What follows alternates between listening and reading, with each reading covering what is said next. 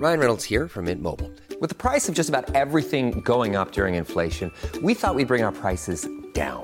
So to help us, we brought in a reverse auctioneer, which is apparently a thing. Mint Mobile unlimited premium wireless. Ready to get 30, 30, bit to get 30, bit to get 20, 20, 20, bit to get 20, 20, bit to get 15, 15, 15, 15 just 15 bucks a month. So, Give it a try at mintmobile.com slash switch. $45 upfront for three months plus taxes and fees. Promo rate for new customers for limited time. Unlimited more than 40 gigabytes per month. Slows. Full terms at mintmobile.com. Ryan Reynolds here from Mint Mobile. With the price of just about everything going up during inflation, we thought we'd bring our prices down. So to help us, we brought in a reverse auctioneer, which is apparently a thing. Mint Mobile unlimited premium wireless. Ready to get 30, 30, bit to get 30, bit to get 20, 20, 20, bit to get 20, 20, bit to get 15, 15, 15, 15 just 15 bucks a month. So, Give it a try at mintmobile.com slash switch. $45 upfront for three months plus taxes and fees. Promo rate for new customers for limited time. Unlimited more than 40 gigabytes per month. Slows. Full terms at mintmobile.com.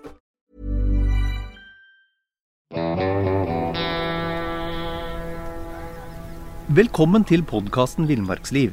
Mitt navn er Knut Brevik, og jeg er redaktør i bladene Villmarksliv, Jakt og Alt om fiske. I dag har jeg gleden av å snakke med Snorre Bjerkholt. Eh, Snorre er lektor på videregående, underviser eh, bl.a. i historie. Eh, Du er utdanna teolog, og du er ivrig jeger og friluftsmann. Og du er en av få faste skribenter i bladet Jakt. Er det en grei eh, introduksjon, Snorre? Jo, det stemmer det. Jeg elsker å være på tur, og jeg elsker å dra på jakt. Ja. Det gjør jeg. Ja. Du skriver i en artikkel ehm, at å, å jakte, det er å tro, og jakte, det er å håpe. Altså, hva La oss bare gå rett inn i det. Hva, hva betyr egentlig jakt for deg? Eh, Det betyr eh, veldig mye. Eh, For meg så er jaktgleden den er kombinert med turgleden. Jeg har ett bein i begge leire, for å si det sånn. Så jeg leser bladet Villmarksliv med stor glede, og jeg leser bladet Jakt med stor glede. Eh, Visstnok så er det sånn at um, pappa var student i 68, så han eh, var hjemmeværende med meg, og han forteller at vi var på tur i Nordmarka hver eneste dag, så kanskje er det noe som har festa seg allerede der. Å ja. ja, for faren din var ivrig friluftsmann? Eller er? I, ja, han uh, var i hvert fall i yngre dager. Uh, og det har vært sånn for meg så lenge jeg kan huske. Gleden ved å komme ut på tur, gleden ved å reise ut på jakt, den trumfer det meste, altså. N- Når, når starta egentlig din jegerkarriere? Ja, da må vi en del år tilbake. Jeg var, en kjempe, jeg var kjempelei eh, når jeg gikk på videregående. Kjempelei skolen, så jeg slutta rett og slett idet jeg skulle starte i eh, tredje klasse. Og så gjorde jeg det som jeg hadde mest lyst til, og det var å reise på tur. Ja vel? Så høsten 1989 så gikk jeg fra Alta til eh, Narvik. Ganske lang tur. Du verden.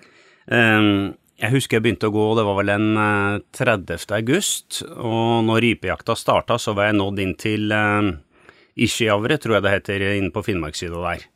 Og der traff jeg noen andre jegere. Eh, de var rause, eh, inviterte inn til badstue, eh, bød på rypebryst. Og så fikk jeg være med en av jegerne dagen etterpå. Ja vel? Være med han, sa de, han er best å skyte. Og det var jo helt, helt andre forekomster av eh, rype da enn nå. Eh, og han skjøt jevnt og trutt, og jeg husker at uh, idet vi passerte 30 ryper, da knakk en hagla, og så sa han "Eh, nå lar vi resten av rypene fly. sånn. og det ga jo mersmak. Eh, vi skiltes, jeg fikk med meg et par ryper på veien, husker jeg. Eh, og jeg gikk videre, eh, ned forbi eh, Kautokeino, forbi Bijuvagge gruver og ned mot Reiseelva. Og der var det om mulig enda flere ryper enn det var oppe på vidda. Og da tok jeg meg i det, når rypekulla letta, i det å savne et våpen. Og da tenker jeg da Det var da jeg egentlig ble jeger, eller fikk lysten på det, da. Akkurat. Så var jeg tilbake et par år senere, med fersk jegerprøve i lomma. Og da var vi på en, jeg og en kamerat, vi var på en 14 dagers øh, jakttur oppe i Reisadalen. Jeg tror ikke vi fikk noe mer enn eh, en sånn, eh, hvis jeg husker riktig, en sånn åtte, ni, ti ryper. Men vi følte oss, eh, vi følte oss rike, altså. Ja, ja. Og da starta det. Akkurat. Så, så du, tok, du tok egentlig en timeout, du, eller eh, hva skal du si, en sånn, sånn, sånn pause fra, for å finne ut hvor du ville i verden? og... Jeg tok øh... Jeg har tatt mange timeouter med tur, det har jeg gjort gjennom livet. Ja. Eh, men jeg tok alt som eh, privatist eh, samme våren. Ja. Så jeg kom meg gjennom.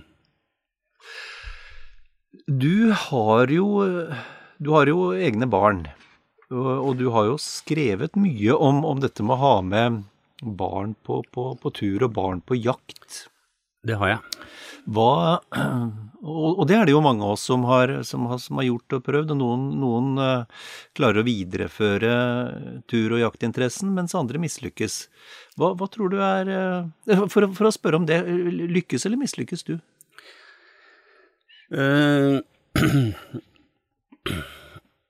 jeg tror jeg har lykkes i å få dem til å bli glad, glad i fysisk aktivitet. Eh, idrett, eh, friluftsliv eh, og litt jakt. Alt sammen, egentlig.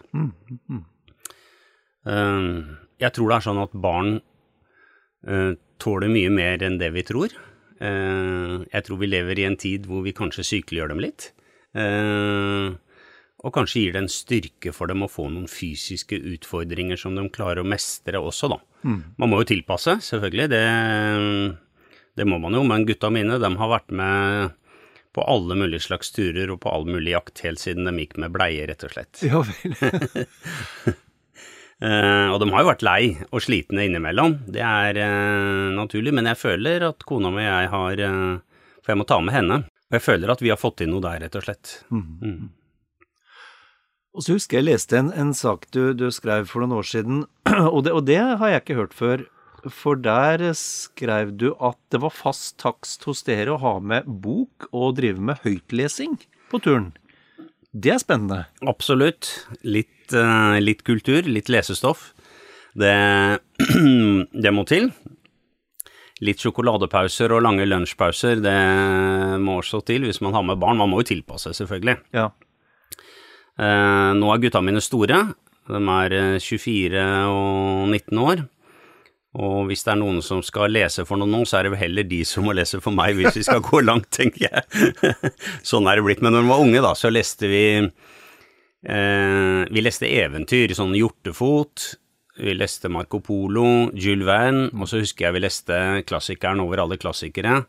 Eh, Helge Ingstads Spelsjegerliv. Og dere gjorde det, ja? Ja da, det gjorde vi. Eh, men det her tenker jeg det, det med å danne litt sånn Få til litt sånn kultur, øh, få til litt tradisjoner, kall det gjerne seremonier rundt jakta. Det er ikke bare noe barn trenger, det er egentlig like viktig for oss voksne. Vi har det sånn i jaktlaget, hvis det er overnatting, så har jaktkompis Torstein øh, ofte med seg mandolinen sin. Jo vel. Og da sitter eh, jaktkompis Vemund og Rune og jeg, vi har fått oss litt god mat. Forhåpentligvis kanskje fått en felling eller to. Eh, gode og mette, og med et glass rødvin da. Når vi får litt musikk da, da er vi salige, altså. og da tenker jeg liksom det enkle, å søke det enkle. Det er litt eh, Det er ofte det beste. En god bok, en samtale, god mat. Spenninga med jakt.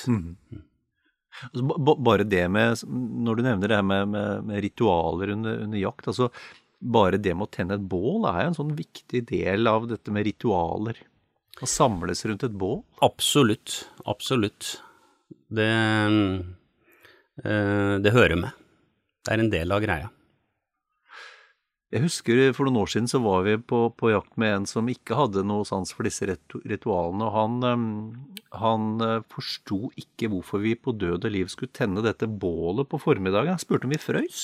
Ja, riktig. det var bare jakt. Nei, men det har ikke noe med det å gjøre. Nei. Eh, jeg var jo ivrig, i, veldig ivrig i yngre dager. Det er ikke sikkert at Snorre 51 år hadde likt å gå på jakt med Snorre 31 år, for å si det sånn. Men uh, betydningen av rammene rundt jakta, den har bare blitt større og større. Ja. Um, jeg, jeg, for å komme litt tilbake til dette med, med barn, uh, Snorre. Altså, er det Kan egentlig jakt og friluftsliv konkurrere med de digitale flatene og spillene og alle de grenseløse, den grenseløse stimulien som ligger i, sånn, i det digitale? Ja, det var det, da. Eh, Tilsynelatende så får vi jo ikke til det. Um, et triks som vi har uh, benytta oss av, det er at ungene har fått ta med seg en venn, uh, eller at flere familier har reist sammen på tur, faktisk. For da er man ikke bare på tur sammen med teite pappa eller dumme mamma, da er man på tur sammen en hel gjeng, en liten stamme, på en måte. Mm, mm. og det har vært en suksessfaktor. En annen suksessfaktor det har vært at vi har tatt med oss eh, bestefar. Sånn at vi har ikke vært bare to generasjoner, vi har vært tre generasjoner på jakt.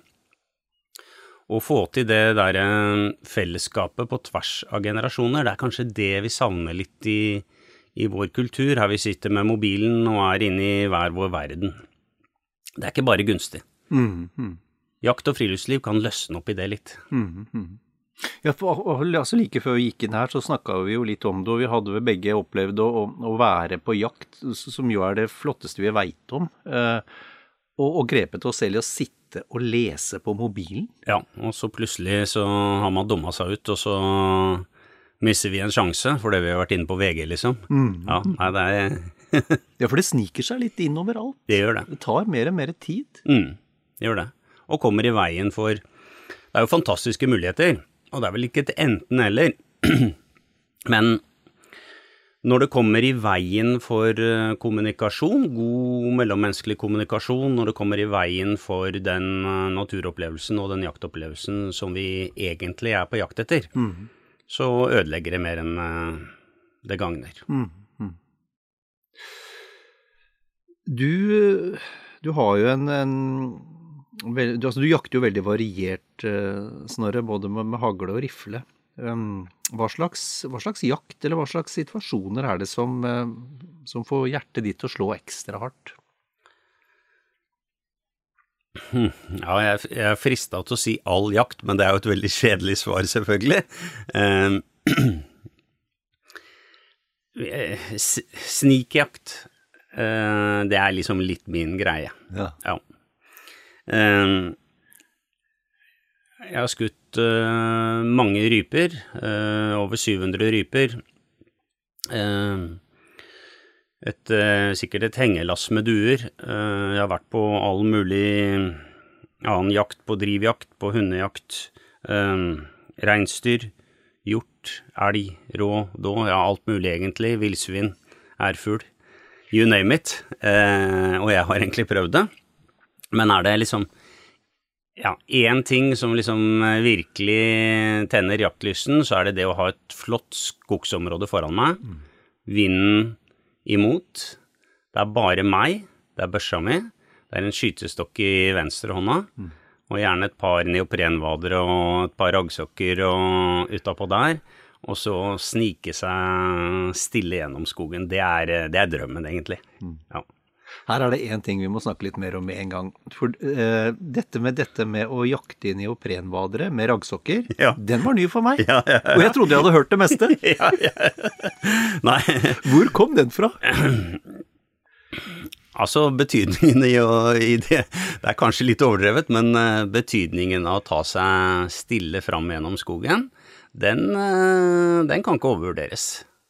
Vi støkker nok mye mer dyr enn det vi tror. Mm, mm. Uh, ja. På snikjakt så er liksom noen ting som jeg har lært meg, og som jeg dummer meg ut på gang på gang. Det ene det er vinden. At vinden må være på din side. Er det vekslende vind, så du, må du finne på noe annet, på en måte. Og det andre, det er å gå stille og rolig og ikke bråke og ta lange, lange, lange pauser. Mm. Sette seg ned Stå helt rolig 20 minutter, halvtime, kanskje enda lenger. Bevege seg kanskje bare 10 meter, 20 meter. Mm. Dyra er der. Mm. Så det er bare om å gjøre å finne dem. Mm. Jeg vet ikke hvordan du har det med det, men, men når jeg tenker tilbake, så er det lite som ergrer meg mer enn de første, jeg vil si, 20 åra jeg jakta storvilt. For jeg ser i ettertid jeg gikk for fort. Ja. Jeg støkka bort så mye vilt. Var det én fordel med å bli eldre og latere og feitere, så er det at du beveger deg saktere. Og Ja. du får jaggu flere sjanser, altså. Ja da, det gjør du. Det er klart du gjør det. Samtidig så er det å snike utrolig slitsomt. Det er nesten sånn øh, yoga for menn. Du skal sette foten stille og rolig ned. Du, skal ikke, du må liksom blikket både nede og oppe. Skal skanne terrenget, se hvor kan jeg skyte, hvor kan det dukke opp dyr. Eh, for all del så må ikke noen kvister komme inntil. Det er liksom stille framrykking som gjelder. Ja. Smygjeger, altså. ja, det er nok det i bunn. um, jeg tenker på, på um, en annen sak som, som du skrev, som jeg syns var veldig, veldig uh, morsom. Og, og veldig relevant. Og det var Du skrev for noen år siden en slags guide til hvordan man unngår skilsmisse. Ja. Jeg, jeg har den saken her, jeg. ja, du har den der, ja. ja det er bra. Og den, den het Samlivsråd for jegere. Ja. For det, den tror jeg treffer, den tror jeg treffer en, en, en del. Um, høsten er jo, som du skrev her, en krevende tid for ekteskapet. Og her er altså dine fire råd for å unngå en tilværelse som nyskilt i, i desember. Ja, ja, ok. Ja, den har jeg ikke sett på en stund. ja, her har vi det. Vær ute i god tid med datoer. Det er jo, det er jo selvsagt. Eh, skal jakt bli noe av, så handler det om å rett og slett krysse av tidlig, informere omgivelsene tidlig, både arbeidsgiver, kone, øvrig familie.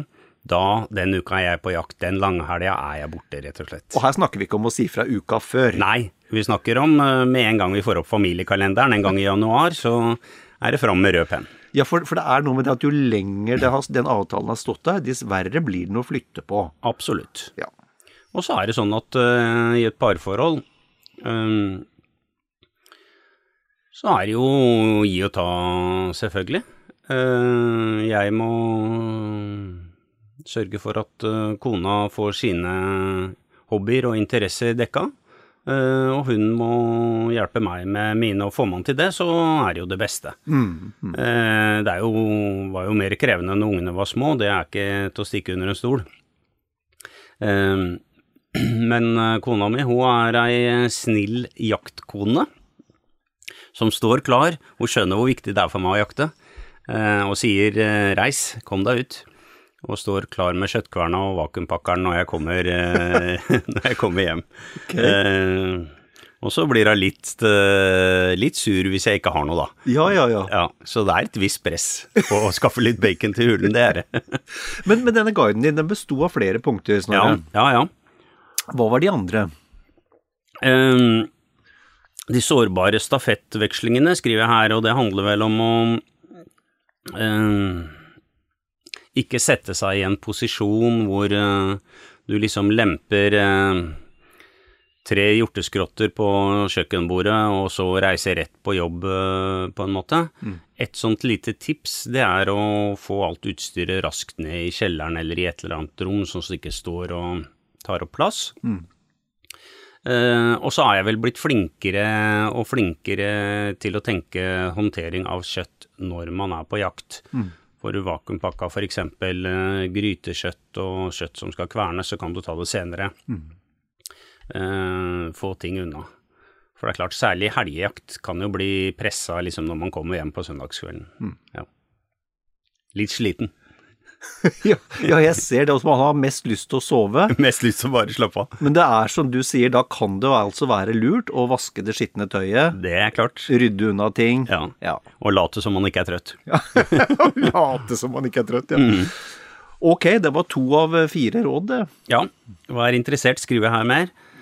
Og kona mi har nå høner, hun har eh, kjøkkenhage, hun har eh, bier og katt, og nå har hun fått seg hund. Så jeg prøver å være interessert og hjelpsom året ellers. Jeg vet Ja, ikke om jeg får det til alltid, men jeg prøver iallfall. Ja. Ja. Og siste rådet ditt, eh, siste rådet, For, for det, er jo, det er jo ikke til å legge skjul på at det er et snev av alvor eh, bak eh, denne saken også. Absolutt, absolutt. Det er klart det. Goodwill-kapital, og bygge seg opp litt goodwill-kapital, det handler jo om at um, høsten er den mest intensive jakten. Mm. tiden for jakt, mener jeg. Um, og da består jo året av eh, mange andre årstider, og da går det an å snu litt på flisa. Et godt råd eh, kan jo også være å prøve å få lurt inn en jakt eh, kanskje på våren. Eh, Fordele trykket litt. ja, ja, absolutt. Ja. Ja. Villsvin, for eksempel. Glimrende å jakte på våren. Ja.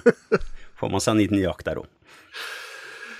Men du, mm, du nevnte jo at din kone sto, sto og er i likhet med deg opptatt av viltkjøtt og, og foredling av viltkjøtt, og, mm, og at hun sto klar med kverna. Eh, Du fikk jo en eh, Til din kones 40-årsdag, som ligger noen år tilbake i tid nå, så, så fikk jo du faktisk en, en bestilling, du, på rådyr ytrefilet. Det gjorde jeg. Det er, eh, Hvordan gikk egentlig det? Er kona mi, hun elsker filet. Ja. Og eh, hun liker all slags viltkjøtt, altså, men det er filet som liksom står øverst på lista. Og jaktkompis eh, Rune og Vemund og jeg, vi hadde fått bestilling på rådyr, og så hadde vi ikke fått noe, og det så liksom litt mørkt ut. Selskapet var klart. Men så klarte vi å felle da med knappest mulig margin, vil jeg si. Det ble skutt, frakta i bil og rett inn på kjøkkenet. Eh, og ryggfilene ble skåret ut, og der satt det ti eh, eh, damer og venta på mat. Og det var så knapt? ja da, veldig knapt. Og den historien, den eh, Ja, det er jo noen år siden, men den er det mange som har fått med seg, og den hører jeg med jevne mellomrom, og det er jo litt morsomt, rett og slett. Men, men de var fornøyd? Absolutt. Ja. Absolutt. Nå fyller hun 50. Um, og nå her eh, for noen uker siden så kom spørsmålet på nytt. Har vi rådyrfilet, sa hun. Så da, da blir det vel jakt på bestilling igjen. Så du veit hva du skal gjøre i august? Ja da, ikke noe tvil om det. Eh, Men, men la- hvis vi holder oss litt på det her med, med viltet som, som kjøttressurs. Mm. Du har jo skrevet en del om det og er opptatt av det. Hva, og, og, og der veit du jo at der er de jo så, så ymse. Noen er jo veldig gode og, og ender alltid opp med bra viltkjøtt. Andre, andre klarer jo på uforklarlig vis Ikke uforklarlig, men de klarer i hvert fall å, å, å langt på vei ødelegge kvaliteten. Mm. Um, hva, hva tenker du når det gjelder viltkjøtt og behandling av viltkjøtt? Det er utrolig mye godt viltkjøtt. Her i vinter så spiste vi røka andebryst. En slager som har eh, virkelig liksom festa seg hjemme nå, det er eh, å ta eh, en bog og så legge den i sånn leirgryte. og la den ligge der og boble over lengre tid, langtidsstekt. En annen slager hjemme, det er pulled pork fra villsvin. Det har også det, Den er høyt på lista, altså. Men hvis du liksom virkelig skal Det beste, det er kanskje filetkjøtt fra rå, då og hjort. Det, er, eh, det er nok det aller gjeveste. Og skal man få bra filetkjøtt, skal man få bra biffkjøtt, så må man gjøre ting riktig. Og gjør ikke ting riktig, så blir det ikke noe godt eh, resultat. Og her er det mange ledd hvor alt må håndteres etter boka, rett og slett. Ta oss gjennom de, ta oss gjennom de ledda, Snorre. Fra, fra du slipper eh, kula og, og dyret ligger der. Ja, du må jo skyte riktig da, eller treffe riktig. eh, Helst ikke noe vom, selvfølgelig. Eller eh, tarmbakterier. Lite grann går jo kanskje greit, men hvis det hvis det er liksom treffer vom, så må man tenke seg om hva man skal gjøre. Det er mulig å berge deler av kjøttet for det, men det er jo en, en stor ulempe, selvfølgelig. Det er en grunn til at viltmottaka ikke tar imot dyr som er vannskutt. Selvfølgelig. Selvfølgelig. Eh, så handler, handler det vel litt om å ikke skyte dyr som har vært stressa i lang tid. Da syns jeg det er vanskelig å få til god mørning eh, på dem. Det aller beste er selvfølgelig unge dyr. Har jeg en flokk og tenker jeg kjøttkvalitet, så skyter jeg det som ser ut som halvannetåringer. Det er det aller beste. Og så kommer uh, slakteprosessen. Uh, og da er det sånn at uh, Det er ikke dyret som har skitt på seg, det er mennesket som har skitt på seg. Unntaket er kanskje villsvin. Da må man tenke litt annerledes. Men vanlige hjortedyr, hjortedyr er rene og fine, mens det er våre lankebisker som har bakterier. Det er våre kniver som vi har brukt å skjære og spise mat med, og som har uh, smuss på seg. Så hygiene er uh, viktig. Hansker. Um, um, ikke skjære hull på noe, få ut alt helt rent. Uh, og så er det transporten. Eh, få ut eh, dyr av eh, skogen, som må gjøres med omtanke. Eh, og så er det å kjøle ned- dyret. Og i gamle dager så var det jo om å gjøre å få kjøla det ned på 1, 2, 3. Omtrent hive det inn på fryseren liksom før du fikk snudd deg, Men nå, eh, vi har som tommefingerregel at dyret skal ikke under 10 grader de første ti timene. Nei. Sakte nedkjøling, og så henger vi det på kjøla. Og der eh, får det henge. Eh, og da er det det å ha litt tillit til egen nese, egen luktesans, og kontrollere. Følge med hele veien. Lukte. Eh, og du lukter med en gang hvis det er noe gærent. Stikk huet inn, kjent på kantene. Mm. lukter det godt? Det skal lukte ingenting, egentlig. Da er det, da er det riktig, og så lukter ikke godt, ja, da er det noe gærent. Ja. Jeg, jeg husker jeg reagerte ganske tidlig under elgjakta på det du, akkurat det du er inne om, for der var det, selv om det var ute i november og det var isende kaldt, så skulle folk på død og liv hive seg over denne døde elgen og flån. ja. Nei, det er eh, Da får du fryseforkortning. Ikke sant? Ja, og da smaker det skosåle. Mhm. Nei, det må man prøve å unngå, da. Vi har jo gått en veldig lang vei når det gjelder viltkjøttjegerne i Norge. Eh, Jeg husker jo at vi var med på elgjakt for veldig mange år siden, og da delte vi opp elgen på en måte hvor du ikke kunne kjenne igjen hvilke strykningsdeler du hadde. Både på det og på måten vi tilbereder viltet på, så har vi jo utvikla oss, da.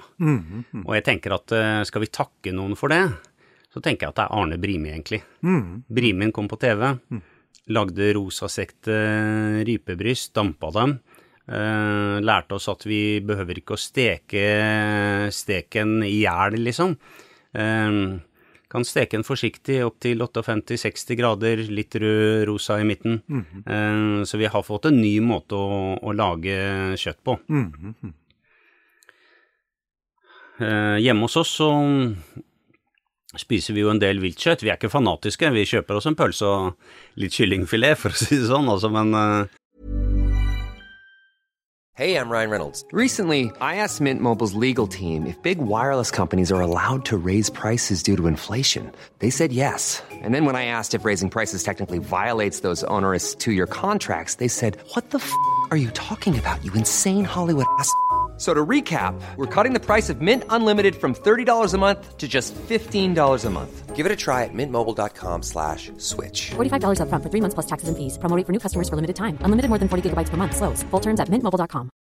Hey, I'm Ryan Reynolds. Recently, I asked Mint Mobile's legal team if big wireless companies are allowed to raise prices due to inflation. They said yes. And then when I asked if raising prices technically violates those onerous two year contracts, they said, What the f are you talking about, you insane Hollywood ass?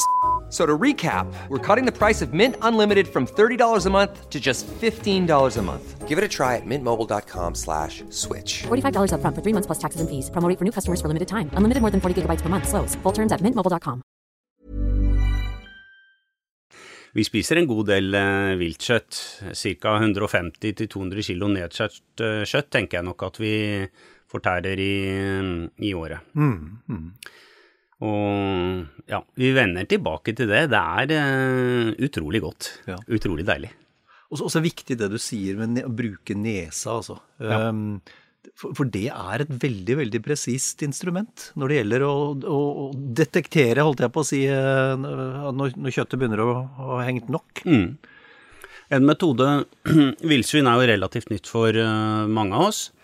Jeg har jakta det i noen år, eh, og der er det litt andre regler, og du kan treffe på litt brunst, blant annet. Og en teknikk for å sjekke det, det er å skjære ut en liten kjøttbit, og steke den i panna. Da lukter du med en gang om det er noe gærent. Lukter det godt, lukter det deilig kjøtt, så ja, da er det sånn det skal være. Det er på en måte samme trikset man bruker hvis du er i tvil om om reinsbukken har gått i brunst. Ja. Litt varmebehandling, Ja. så er du er ikke mye i tvil Nei. hvis det er noe. Ja, hvis det er noe. Nei. Nei, men for det, det, Der har det, jeg er helt enig med deg, det har skjedd veldig veldig mye på ganske få tiår når det gjelder forholdet til viltkjøtt. Ja. Og behandling av det, altså. Ja. Det har gått i riktig retning. Ja. Vi er blitt flinkere. Mye flinkere, tenker jeg. Du treffer nesten ikke på en jeger som ikke har eh, bevissthet rundt eh, henging av kjøtt, at det skal modnes eh, 40 døgngrader, 50 døgngrader. Og den moderne kjøttindustrien, den eh, får ikke til eh, den eh, å få til mørt kjøtt. Det er bare tørrhenging som egentlig får til, og det er jo egentlig bare vi jegere som driver med. Mm. For, meg, for min gane så er det i hvert fall sånn at det er tørrhenging som liksom eh, skaper den gode biffen, den gode fileten, da. Og, og så tenker jeg, eh, de, de 40 døgngradene er, er kjempefint som, som en sånn hovedregel, men, eh, men, men eh, eksempelvis for, for reinsøt, eller i og for seg for rype også, som lever på, på karrig kost, eh, og, og, du, og du kanskje i tillegg har det hengende i fjellet, så kan du faktisk, etter min oppfatning, nesten strekke etter det dobbelte fra tid til annen. Absolutt, absolutt. ja. Da må du igjen uh, se på forholdene. Har det vært tåke, uh, regn, uh, er det etter rent slakt? Har du fått litt bøss på det? Hvordan er det? Eh, har du fått håndtert det? Og har du gjort alt riktig, så kan du strekke 40 døgngrader eh, langt. Det eneste dyret som jeg er litt forsiktig med å la henge for lenge, det er eh, rådyr. Helt enig. Det blir leverpostei hvis du lar det henge for lenge, og det blir litt sånn uappetittlig. Så der er jeg litt sånn kort og sier ferdig i løpet av et par dager, rett og slett. Ja. Trenger ikke noe mer. Nei. Ok. ehm, en ting jeg, som jeg har, har, har lyst til å, å prate litt med deg om, eh, Snorre, det er ehm, det er et fenomen som er litt kilent for en del norske jegere, og det er dette med bruk av guide. Eh, Det syns ikke du er det minste kilent. Nei, altså øh, hver, til, hver ting til sin tid. Det, det beste jeg vet er å gå helt for meg sjøl og snike i skogen, så det er jo ikke det. Men jeg tror ikke vi skal være negative til å ha med oss en guide. Jeg har vært på en eh, 10-15 utenlandsturer hvor eh, guide har vært eh, inne i bildet. Og det å jakte, det handler jo egentlig om å være litt eh, ydmyk. Eh, man kan ha 10-12-15 gode skudd, for så plutselig å bomme. Det er kort vei fra å være verdensmester til å være verdens største dust, for å si det sånn. Og inn der så kommer også det at man må kunne ta imot beskjeder, se hvordan ting gjøres i andre kulturer, ta imot instruksjoner, høre på, på guiden, og kanskje også lære noe. Eh, Det å gå med guide, kan jo føles noen ganger da, som å liksom være i en slags barnehagesituasjon hvor guiden tar børsa di. Du må bare følge etter, og guiden finner dyra og legger klar gevær i skytestokken og omtrent trekker av for deg. Men, men det er eh, Jeg har ikke opplevd eh, mye av det, altså. Eh, De opplevelsene jeg har hatt med guide, det har vært veldig lærerike opplevelser, rett og slett. Og så er det jo sånn at det er jo noen hyggelige møter, og kanskje også noen vennskap som etableres. Eh, ja. Det var i, For halvannet år siden så var vi Familien var eh, i Åkrafjorden og jakta der. Og der var det med guide, Teddy het han, og han var veldig dyktig og lokalkjent, og han hjalp eh, minstemann Halvard fram til sin første hjortefelling, og den hjorten hadde ikke Halvard eh, fått felle med min hjelp, for å si det sånn. Nei vel. Um, og en annen historie eller opplevelse, den ehm, handler om Vi har vært en del turer i Skottland. Eh, faren min har vært med noen ganger. Og etter jakt så har vi ofte blitt tatt med til den lokale puben, Ja. hvor guiden har eh, klirra på glasset og annonsert for alle og enhver hvilken flott bukk pappa skjøt. Og det vakte jo applaus og klapp på ryggen og utrolig mange skåler. Så mange skåler at det ikke ble noe jakt eh, dagen derpå for pappa. Han har ikke for vane å drikke for mye, han altså, men Nei. eh, der var vi litt ute på galeien, for å si det sånn. Men det var en fin bok, da, skjønner jeg. Absolutt, absolutt. Ja. Det som, den, den guiden som likevel har gjort mest inntrykk på meg, det er en kar som heter Johan Palmgren. Jeg tror han er kjent for en del eh, nordmenn også. Han er eh, eh, viltforvalter på et flott lite område som heter Virobruk i Sverige. Og det er mønsterbruket, altså, i forhold til hjorteforvaltning og villsvinforvaltning. Store, fine stammer. Han bruker lang tid på å se hvilke individ han skal ta ut. Og det å få jakte med han, det er eh, Jeg vet ikke hva slags bilde jeg skal bruke. Det er som å spille fotball med Messi. Du blir spilt god på en måte Ah, så gøy. Beveg bevegelsesmønsteret hans, eh, eh, hvilke dyr han peiler seg inn på, eh, kommer med forklaringer underveis, det er rett og slett en opplevelse. For, for, for alt du forteller nå, det, eh, og, og det, denne innstillingen til det å jakte med guider, det fordrer jo en ikke ubetydelig ydmykhet. Absolutt. Man er ikke, det er det fine med jakt, man er ikke utlært. Nei. Lærer noe hele tida, rett og slett. Og det ene øyeblikket så tenker jeg jo at jeg er verdensmester i snik, og det neste øyeblikket så har jeg gått på en gedigen bommert og støkka etter ti meter og bråka og tulla det til med vinden, for eksempel. Så det er, det er en sånn uh, evig runddans med seg sjøl. Spennende. Jeg kommer litt tilbake til disse neoprenvaderne dine. Ja. ok, ok. Nei, ikke, ikke nødvendigvis dem. Det er bare men, innimellom at jeg har på dem, altså. Jeg tenkte mer på det her med, um, med utstyr, jeg. Um, har du et veldig bevisst forhold til, til utstyr? Eh, Jeg er jo liksom en eh, Ja, jeg er jo teolog, men jeg, jeg, jeg, jeg er vel sånn nøkternt anlagt, så jeg tror liksom ikke på noe sånn alternativ medisin eller på noe overnaturlig. Og spør du meg, så blir det kanskje i overkant mye prat om følelser innimellom, eh, både her og der. Men liksom når vi er på jakt, så rammer alt det her, det rammer meg sjøl. Jeg blir eh, nervøs, og jeg blir detaljstyrt. I hvert fall fram til jeg har fått min første felling. Sånn er det, rett og slett. Ok. Ja. ok. Og da eh, Det er jo litt Jeg sier det litt med latter, men det er litt sånn alvor også. For eh, alt må liksom stemme. Eh, små utstyrsdetaljer må stemme. Jeg må vite at i venstre lomme så har jeg patronene. Eh, jeg må ha eh, eh, en god teip så det er godt å holde i, i skytestokken. Eh, alt med børsa, sekken må være den samme. Jeg må vite hvor jeg har vannflaska. Eh, litt sånn petimeter, rett og slett. Og så får jeg min første felling. Det er rart med det, og da løsner det litt. Ok. Ja. Og det samme, det gjentar seg år etter år. Før jeg liksom har fått min uh, første feing, så er jeg rett og slett litt nervøs. Ja, ja, ja. Ja. Men for, for, for alt det du skildrer, dette med å vite hvor patronene ligger, dette med å ha liksom et godt grep om skytestikka, det, det, jo, det har jo vel så mye med funksjonalitet å gjøre som overtro, egentlig. Jo da, øh, absolutt. eh, men det blir liksom eh, Selv om jeg ikke vil være en person som liksom har noe overtro ved meg, så blir det litt sånn allikevel. Ja, Ja, ja. Jeg må liksom Alt må gå riktig for seg når jeg skal ut på jakt. Det er litt magi i det. Ja, ja. Og det er jo det at å skyte på en skytebane, stå på en eh, betongflate og skyte fem skudd mot en, eh, en stillestående skive, det, det er Det kan mange klare, men det er klart å gå ut på jakt og skyte i terreng, på usikker eh, avstand, på dyr som beveger seg, stopper akkurat i en liten glenne, det er mye mer krevende. Og da må ting sitte. Eh, Og det handler om erfaring, selvfølgelig.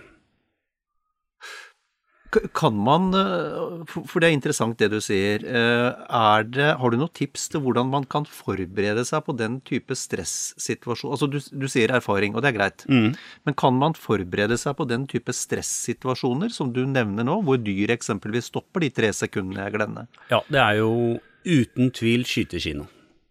tror jeg ikke vi har noen skytekino i Norge. Har kanskje fått én, ja, jeg er litt usikker, men Sverige er det jo flust av dem. Eh, og er det noe som gir erfaring, så er det skytekino. Det er tett opp til virkeligheten. Dyra kommer inn, stopper opp i to sekunder. Eh, det er da du må skyte, og så forsvinner dyra videre. Eh, det er nært virkeligheten. Så min opplevelse er, hvis du vil lære mye på kort tid, reis til en skytekino i Sverige. Ja, for det, det, er rett og slett et lokale hvor du stiller med ditt eget våpen, ammunisjon, og så ja. kommer det da mm, digital film eller bilder av, av dyr i bevegelse, ja. eller stiller for den saks skyld, på en stor skjerm. Ja. Og så skyter du, og så stopper eh, filmen opp eh, ørlite grann, og så ser du hvor treffet ditt var, og det er læring i. Og da ser du oi, da var jeg litt for langt bak. Nettopp. Uh, oi, der skulle jeg ikke ha skutt. Og så hvis du har en film, en, en flink sånn eh, kinomaskinist, så gir den deg hele tiden nye bilder. Sånn at du får ikke lært av sidemann, men du får en ny film når det blir din tur. Og da, da har i hvert fall jeg gjort sjumilssteg. Eh, det er anbefale altså. Ja, for da i, i løpet av en, sesjon, da, så vil jeg tro at du kanskje kan lære eller komme gjennom like mange situasjoner som mange opplever i løpet av et jegerliv? Absolutt. Absolutt. Og det er jo et alvor bak her. Vi skal jo ikke skadeskyte, og det er jo det som er målet. Mm. Og noen kritiserer skytekino for å oppfordre, kanskje, eller lære seg skudd som kanskje er på kanten. Jeg vil si det motsatte. Hvis det er noe du lærer på skytekino, så er det hvor dårlig du er. Nettopp. Ja. Mm. Og hvor lang vei du har fram. Mm. Når det gjelder skyting generelt, så går det jo også an å øve seg på bane. Og da tenker jeg at det går an å utfordre seg selv litt. Eh, ikke bare ligge eller sitte, kanskje prøve litt stående. Skyte med skytestokk, så ser du ikke så mange som skyter med på skytebane, egentlig. Eh, prøve noen raske skudd. Uh, Uh, avtale med standplassleder, kanskje skyte på to skiver hvis det ikke er så mange der. Mm. Bytte skiver. Uh, ja. Det er mulig å utfordre seg sjøl. Det siste året så har vi også, eller under koronaen, så har vi også uh, fått skyte litt hos en bonde som bor litt avsidesliggende til. og da får vi testa ut skyting på forskjellige avstander, og det er også veldig lærerikt. Mm. mm. Skyt. Og så, så har jeg funnet ut for min egen del, så er det ganske mye, mye, trening i å legge press på seg selv, sånn tidsmessig. Altså du bestemmer deg du, du, øh, Hvis du er, øh, ikke er så altfor mye folk på skytebanen, eller du skyter på egen grunn, mm. um, så fyll opp magasinet, om det er fem eller seks skudd, og bli, og, og bli enig med deg selv om at øh, vet du hva, nå er jeg i en situasjon hvor dyret er påskutt det stikker unna. Jeg har mm. veldig dårlig tid. Prøve å sette seg i en mental situasjon mm. hvor, hvor, du er i den, i den stressbobla. Mm. Skal du skyte de fem skudda så fort det lar seg gjøre. Uh, og ved å gjøre det noen ganger, så lærer man seg ganske, syns jeg, veldig raskt å, å, takle stress på en mye, bedre måte. Ja da, vi må utfordre oss. Mm. Og bare være et kvarter innom og skyte 15 skudd på skytebanen, og så komme en kveld etterpå og skyte 15 skudd til, det er ikke nok, på en måte. Nei.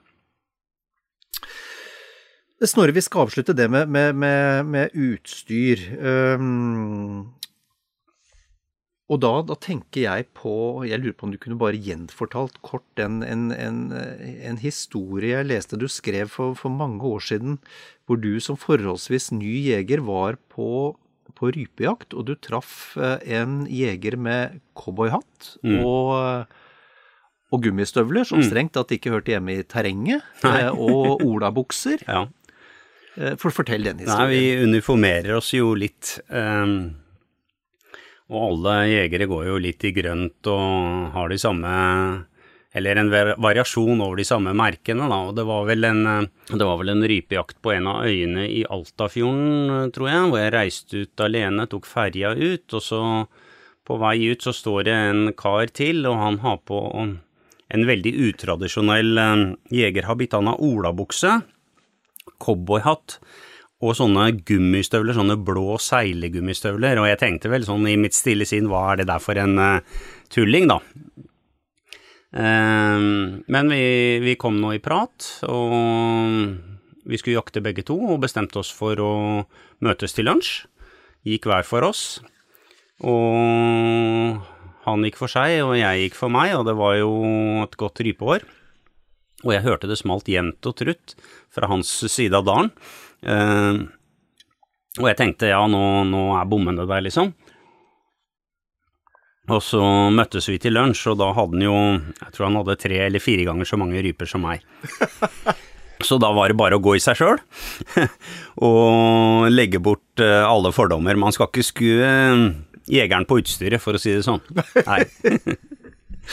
Og jeg, jeg, jeg husker også du skrev i den historien at han sendte, dere, han sendte deg julekort han i Ja mange år etterpå? Vi mista kontakten, Ok. eh, men eh, han sendte meg julehilsener. Ja, ja. Ja.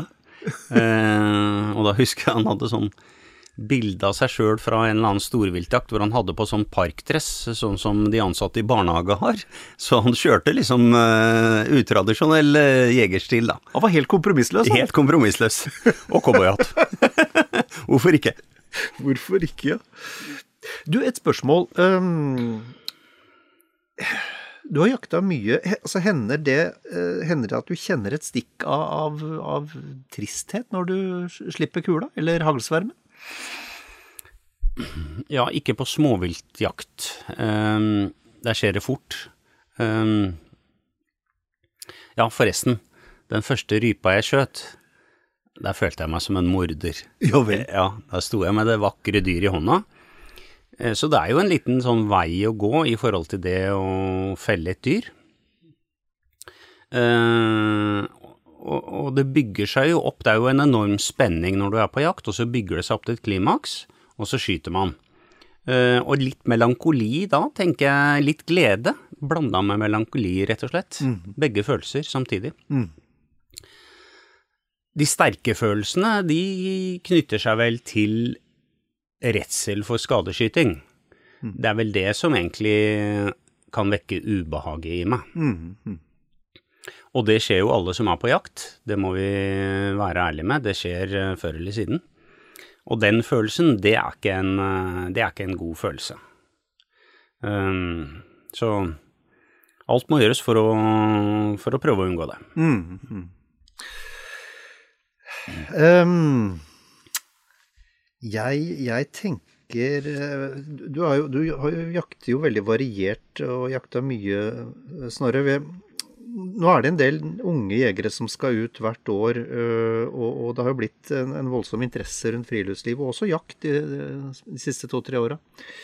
Um, hva, hva, vil dine tips være det viktigste å tenke på for en ung jeger som skal, som skal begynne sin jegerkarriere? Um, Nei, eh, kjøpe blad jakt, kanskje? det syns jo jeg var fabelaktig tips. Ja, det, nei, men det handler jo om å sette seg litt inn i jaktlitteratur, øh, høre, få litt tips. Eh, jeg tenker at unge jegere må gjøre de samme feilene som eldre jegere har gjort. Det er en del av livets dans. Skal jeg likevel komme med noen sånne tips, så blir det mer sånn generelt. Jeg har en en rifle, en 6,5 rifle. Jeg har et par-tre 6,5 rifler, og så har jeg noen hagler, og det er liksom det jeg er tilfreds med. Og funnet meg min ammunisjon, og gjør ikke så veldig mye mer ut av det, egentlig. Så der må hver finne sin sitt ønske, da, eller hva man er komfortabel med. Um, men generelt så kan vi jo vende tilbake til det her med skal det bli noe av jakt?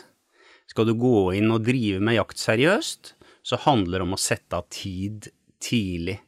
Reservere terreng, eh, inngå avtaler tidlig, sette av en uke i kalenderen, eh, rett og slett. Da blir ting noe av. Det er egentlig det første og viktigste tipset mitt. Og det neste tipset, det er kanskje litt rart, eh, men det handler om å bruke litt penger. Eh, vi driver med alt mulig ting eh, her i livet vårt. Vi har båt, vi reiser på fotballtur til England, vi spiller golf. Veldig mange ting er veldig dyrt. Og så sitter vi liksom og knuger på om vi skal betale 1200 eller 1500 kroner for et jaktkort, på en måte. Eh, Sjøl så bruker jeg litt større summer på jakt, og det er jo fordi jeg driver mye med det, men jeg tror jeg bruker mellom 50 60 opp til 70 80 000 i året på jakt, og det sier jeg uten skjemsel. Eh, det er hobbyen min, eh, og jeg koser meg med det. Og så er det jo viktig å betale regningene sine også, selvfølgelig, men eh, jeg har fått til det til nå, da, for å si det sånn. Alt koster jo, alt koster jo penger. Eh, mange spør liksom sånn, lønner det seg å jakte? Eh, da svarer jeg nei. Det skal ikke lønne seg å jakte, det er ikke derfor jeg driver med det. Nei. Nei. Eh, tredje tips, det handler om å finne noen gode venner å jakte sammen med. Jakt er en sosial greie, egentlig. Kan godt jakte alene. Eh, men å være sammen med noen, treffe noen på koia, være sammen med noen, det er eh, ja, det er viktig. Rammene rundt jakta, det er eh, viktigere og viktigere for meg. Jeg har jakta i mange år med noen eh, gode gutter, eller kanskje jeg skal heller kalle det gode gubber, for de eh, begynner vel å bli hvite i skjegget, de fleste av oss. Eh, og vi kommer til å fortsette å jakte helt til, helt til vi blir gamle og rullatortiden kommer. Ja. Så det er viktig, det, det sosiale der. Ehm, videre, del alt av byttet helt likt. Du får ikke akkurat til å de dele en rype hvis det er bare én rype du har fått, men er det noe å dele, så del det helt likt. Det tenker jeg er et viktig prinsipp når man er sammen på jakt. Og sist, men ikke minst, eh, skyt mye. Sett deg noen mål. Ti turer på skytebanen i året. eh, Med rifle, ti med hagle. Kanskje kombinere det litt, eh, hvis det er en eh, bane som har begge deler. Eh, Utfordr deg selv litt når det gjelder eh, skyting. Tenk eh, på hagle. Ja, jeg skal ha en serie hvor jeg har 20 treff, for eksempel. Um, på rifle um, uh, Tenk ja, jeg skal prøve å ta prøva stående, eksempel. Um, ja. Eh, vi skyter for lite. Det er jo litt det Jørund Lien sier og kommer tilbake til gang etter gang. Men det er en sannhet, altså. Vi skyter for lite. Ja, det er jo ikke så kom det, det, det kan jo være veldig komplisert, men i utgangspunktet så er det, så er det jo fornuft i det du sier. Det er, altså, det er en praktisk øvelse. Det er det det er. Vi blir ikke gode hvis vi ikke trener. Nei, og så er det litt ferskvare. Du må holde på med det litt jevnt. Uh, uh, det er ikke noe du bare kan ta opp igjen. Um, Sjøl så prøver jeg å skyte Ha mål iallfall om å skyte en 500 rifleskudd eh, i året. Da tvinger jeg meg sjøl til å Ja. Jeg utfordrer meg sjøl litt, da. Jeg er ikke så veldig god av den grunn, men eh, det er klart jeg blir jo bedre jo bedre jo mer du skyter. Ja. Uh, jeg lurer på Jeg lurer på en ting sånn avslutningsvis her, Snorre. Mm. Du, du skriver jo mye om jaktglede. Det er på en måte det som stikkord ved, ved, ved dine saker og dine tekster. ja. Hvis du skulle beskrive jaktglede for en som, som ikke liker jakt, eller som ikke jakter, jeg, hvordan vil du gjøre det? Ja, hvordan skal beskrive en følelse? Det, det er ikke så lett. Jakt, eh, det er jo noe som må oppleves. eh, Og jakt er nok ikke noe for alle, det tror jeg er viktig å være klar på. Um, uh, Men jeg tror det nok det er sånn at de tingene som vi driver med, og som gir mening for oss i dag, det drev de med også i steinalderen. Det handler om uh, ting som kjærlighet, uh, seksualitet, det handler om å bygge bo, skaffe varme, skaffe mat, eh, lage avkom, sørge for avkommet sitt.